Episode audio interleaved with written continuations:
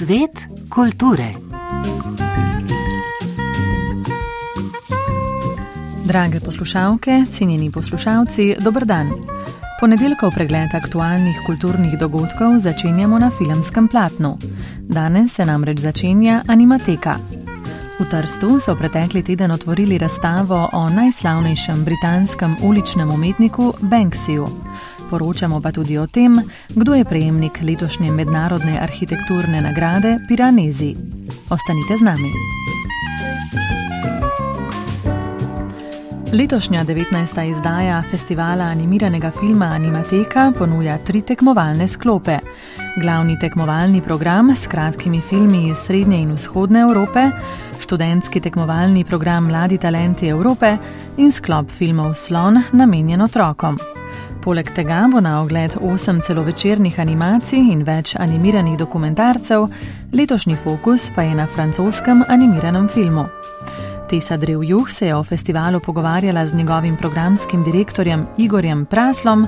Ta je ponosen na to, da se je letos v programu vrstilo tudi več odličnih filmov slovenskih avtorjev. Ja, v bistvu je super izpostavljati eh, vsako leto tiste slovenske uh, avtorje in avtorice, ki se prebijajo v tekmovalne programe, kajti to priča o tem, da so naredili, ustvarili kvalitetne animirane filme, ki se lahko kosajo z svojimi kolegi iz Evrope in sveta. In samo menim uh, v glavnem tekmovalnem programu, ki je namenjen uh, produkcijam iz vzhodne uh, srednje in južne Evrope, uh, prikazujemo seveda legendo Zlatorogu, Le Vučko in Damira Grbanoviča, že nagrajeno na preteklem festivalu slovenskega filma, zvestno za najboljši animirani film. Eksperimentalni film z naslovom XX Vasija Lebariča in Julija Zor, Zornika, uh, to je tudi meni osebno, sem zelo vesel, da uh, se lotevajo nekateri avtori tudi eksperimentalne animacije in ta film si res zasluži biti prikazan. Potem pa še dva filma, uh, ki nista slovenski produkciji, vendar so jih naredili slovenski avtori oziroma so nastali v slovenski koprodukciji. Pozdrav soncu Darka Masnica, slovenskega avtorja, ki živi in dela na Hrvaškem. Je zelo še en njegov homaž eh, Vladimirju Kristlu, velikemu avtorju zagrebske animacije. In manjšinska koprodukcija o denarju in sreči Ane Nedelkovič in Nikole Majdaka ki je nastala v koprodukciji z produkcijsko hišo Finta. Eh, v programu Mladi talenti Evrope, namenjen evropskim študentom, kar trije filmi, Luknje Sofije Kruglikove ter In Search of Our Essence, Kaje Horvat eh, iz eh, Akademije za likovno umetnost in oblikovanje v Ljubljani, ter Naglodene kosti Nike Karner iz Univerze v Novi Gorici. Vsi trije zelo posebni, zelo, zelo samosvoji in zelo zanimivi filmi ter na koncu v tekmovalnem programu Slon, kjer tradicionalno vsako leto nastane eh, kakšen dober tudi film slovenskih avtorjev in avtoric, Miša Hiša Timona Lederja ter težko pričakovani Bimberli Roka Predina, eh, slovenskega avtorja, ki se je iz eh, Londona preselil in živi in ustvarja v Mariboru. Torej gledamo njegov prvi avtorski prvenec, ki je nastal tudi pri nas. Eden od poudarkov letošnje animateke je francoski animirani film, njegova zgodovina. Bi povedali še malo podrobneje o tem? Uh, ja, v bistvu smo zelo ponosni, da smo v sodelovanju z uh, Mednarodnim festivalom animiranega filma v Annecyju, največjim festivalom animacije na svetu, ter z arhivom CNC, Centre National de Cinema iz Pariza, uspeli pripraviti. Uh, tri uh, zanimive programe, kjer predstavljamo mejnike uh, francoskega avtorskega filma z torej, dostopom do arhivskih 35 mm kopij. Uh, ta, ta dva programa, tri programe bomo kazali v slovenski kinoteki, kjer še vedno lahko prikazujemo arhivske kopije in dejansko bomo sledili razvoju uh, francoske animacije od Emila Reynoa 1892 pa vse do današnjih dni, kjer avtori, avtorice eksperimentirajo s tehnikami, nekako se nadgrajujejo en na drugega in nekako delajo delajo neko to razvojno, uh, rišejo razvojno črto raz, francoskega animiranega filma, ki je um, najbolj močen na, na celem svetu. Na ogled bo tudi osem celovečercev, eh, kakšnega od teh posebej priporočate. No, povejva še, da je v bistvu samo eden od teh namenjen otrokom.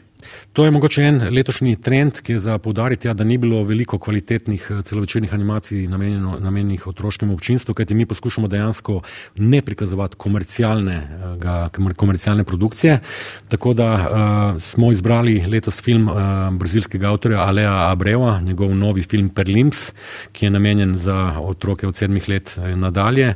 Gre za mogoče celo neko nadaljevanje njegovega dečka, deček in svet, kjer govori o tem, kako uh, se um, amazonski gost krči in cela v bistvu avantura dveh likov uh, v tem gozdu, kako poskušata rešiti uh, ta gost pred uh, črnimi, temnimi silami, ki ga krčijo.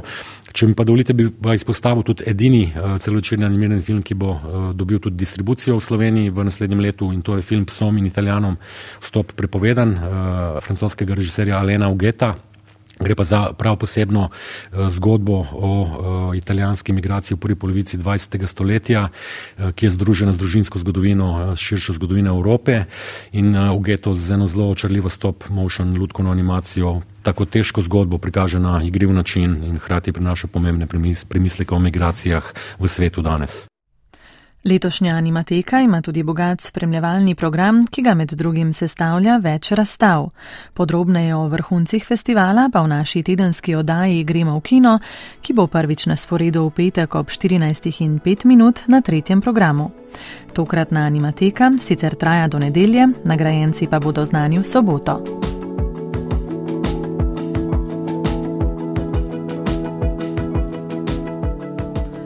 Filmskega platna pa objem arhitekture. Ta konec tedna se je na obali sklenila 39. mednarodna arhitekturna konferenca Piranski dnevi arhitekture 2022. Ob koncu so podelili tudi mednarodno nagrado Piranezi, za katero je bilo nominiranih 50 projektov iz 11 evropskih držav. Desetčlanska mednarodna žirija je nagrado dodelila arhitektom iz ateljeja Medprostor za nadkritje ostalin cerkve svetega Janeza Krstnika ter za začasni lapidari v Žički Kartuziji. Kot je zapisala žirija, so arhitekti iz ateljeja Medprostor v Žički Kartuziji z inovativnim elementom pomične strehe, ki ustvarja novo funkcijo in reinterpretira ruševine, nakazali silhueto strehe. Tako so pokazali pogumen in občutljiv pristop k prenovi kulturne dediščine. Rok Žnidaršič, arhitekturni atelje med prostor, je ob tem povedal. Gre predvsem za to, da se je na enem najpomembnejših spomenikov v državi um, omogočilo eno sodobno prakso, ki jo pravzaprav pri nas sicer že dolgo časa poznamo, ampak se zelo težko prebija v spredje.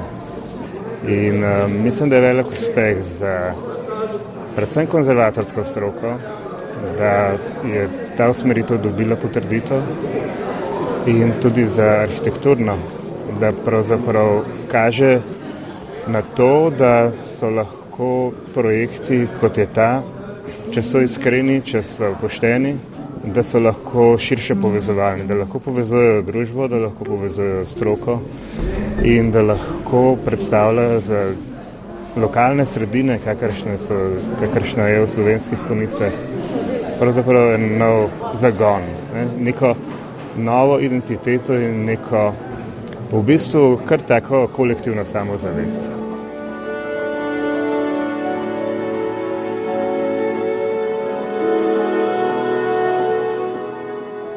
Pa še skok čez mejo.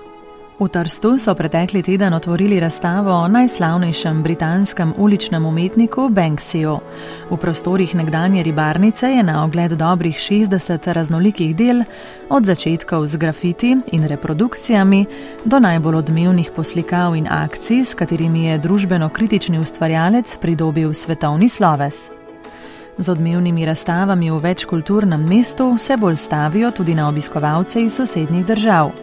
Razstavo posvečeno Fridi Kalo, ki je bila v nekdanji ribarnici na ogled v prvi polovici leta, si je ogledalo okoli 40 tisoč ljudi. Tokrat v Trstu pričakujejo še več obiskovalcev. Špela Linardič. Banksy, veliki sporočevalec, Tako so v Trstu naslovili razstavo, ki ponuja v pogledu razvoj in raznoliko delo uličnega umetnika, ki se z ironičnimi podobami posmehuje britanski politiki, nastavlja ogledalo kapitalistični družbi, opozarja na imigrantsko krizo, predvsem pa poziva k prekinitvi nasilja in vojn.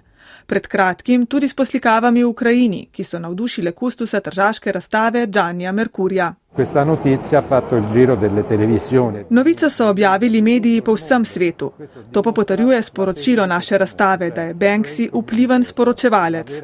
Njegova največja vrednost, ki bo ostala zapisana v knjigah umetnostne zgodovine, je izredna sposobnost, s katero zna umetnost uporabiti kot univerzalno sredstvo za sporočanje.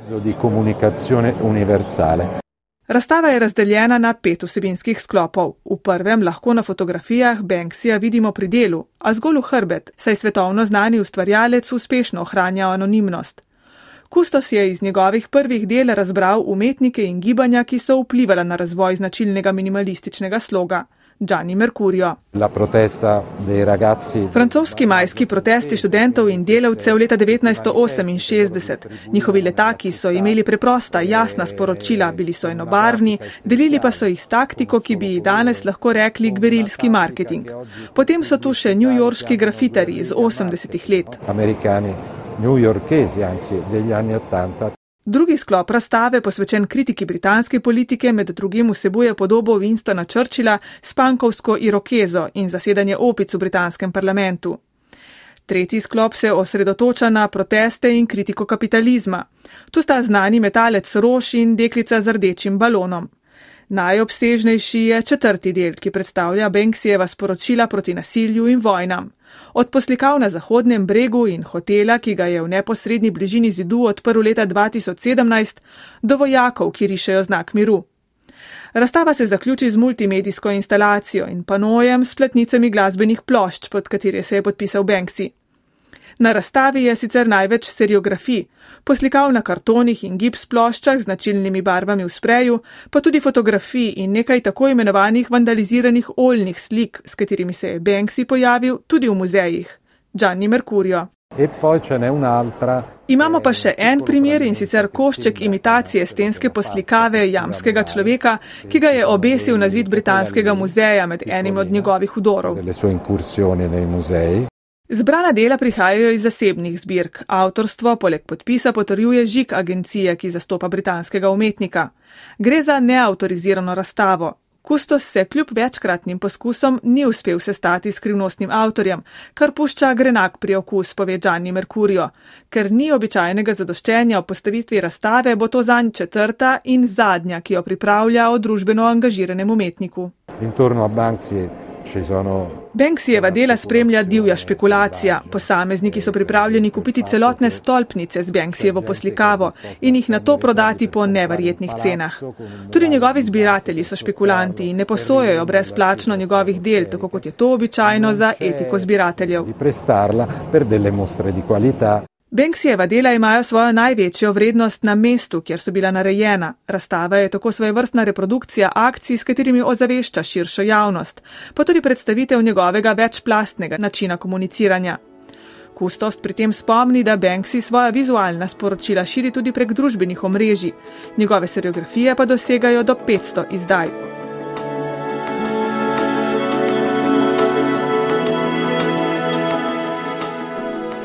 Ostajamo v Italiji. Pred 50 leti je v Vidmu nenadoma in nepričakovano umrla tržaška slikarka Miela Reina, stara komaj 37 let. Ob 50-letnici njene smrti so v Trstu pripravili večer, ki ovrednoti umetničino delo in njeno predanost slikarstvu, ki je zaznamovalo prostor in čas tržaške v 60. in 70. letih prejšnjega stoletja.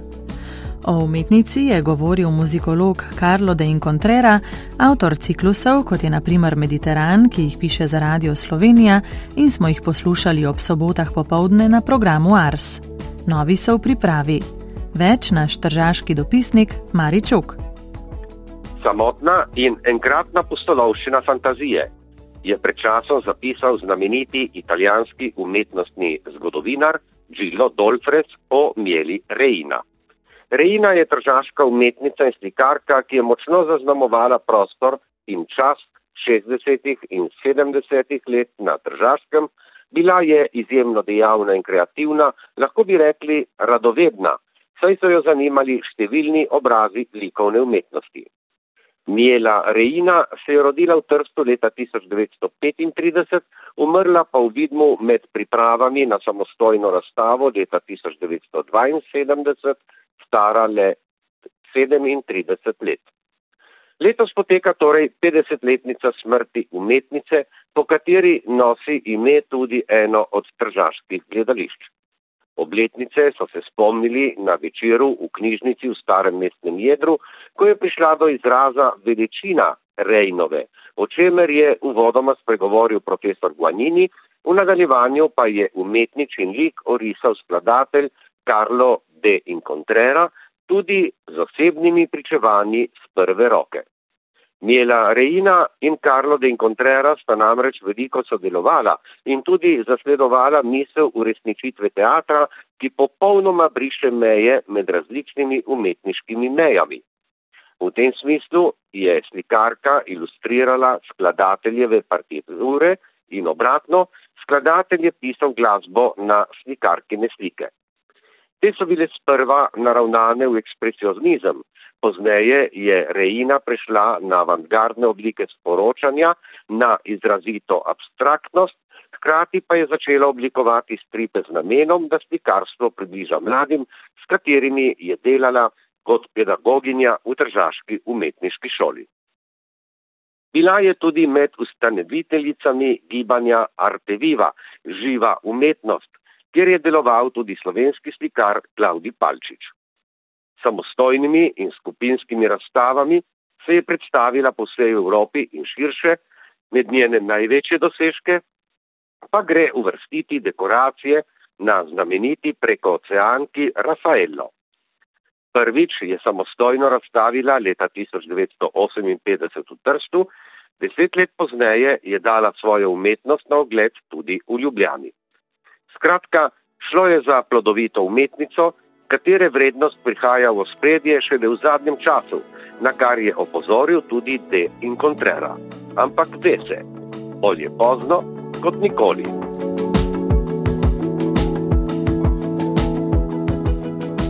Dragi poslušalci in poslušalke, to je bilo vse, kar smo vam pripravili v ponedeljkovi oddaji Svet kulture. Pripravila in vodila sem jo Ana Rozman, za tonsko podobo je poskrbel Miha Klemenčič. Hvala za vašo pozornost, prijeten dan še naprej.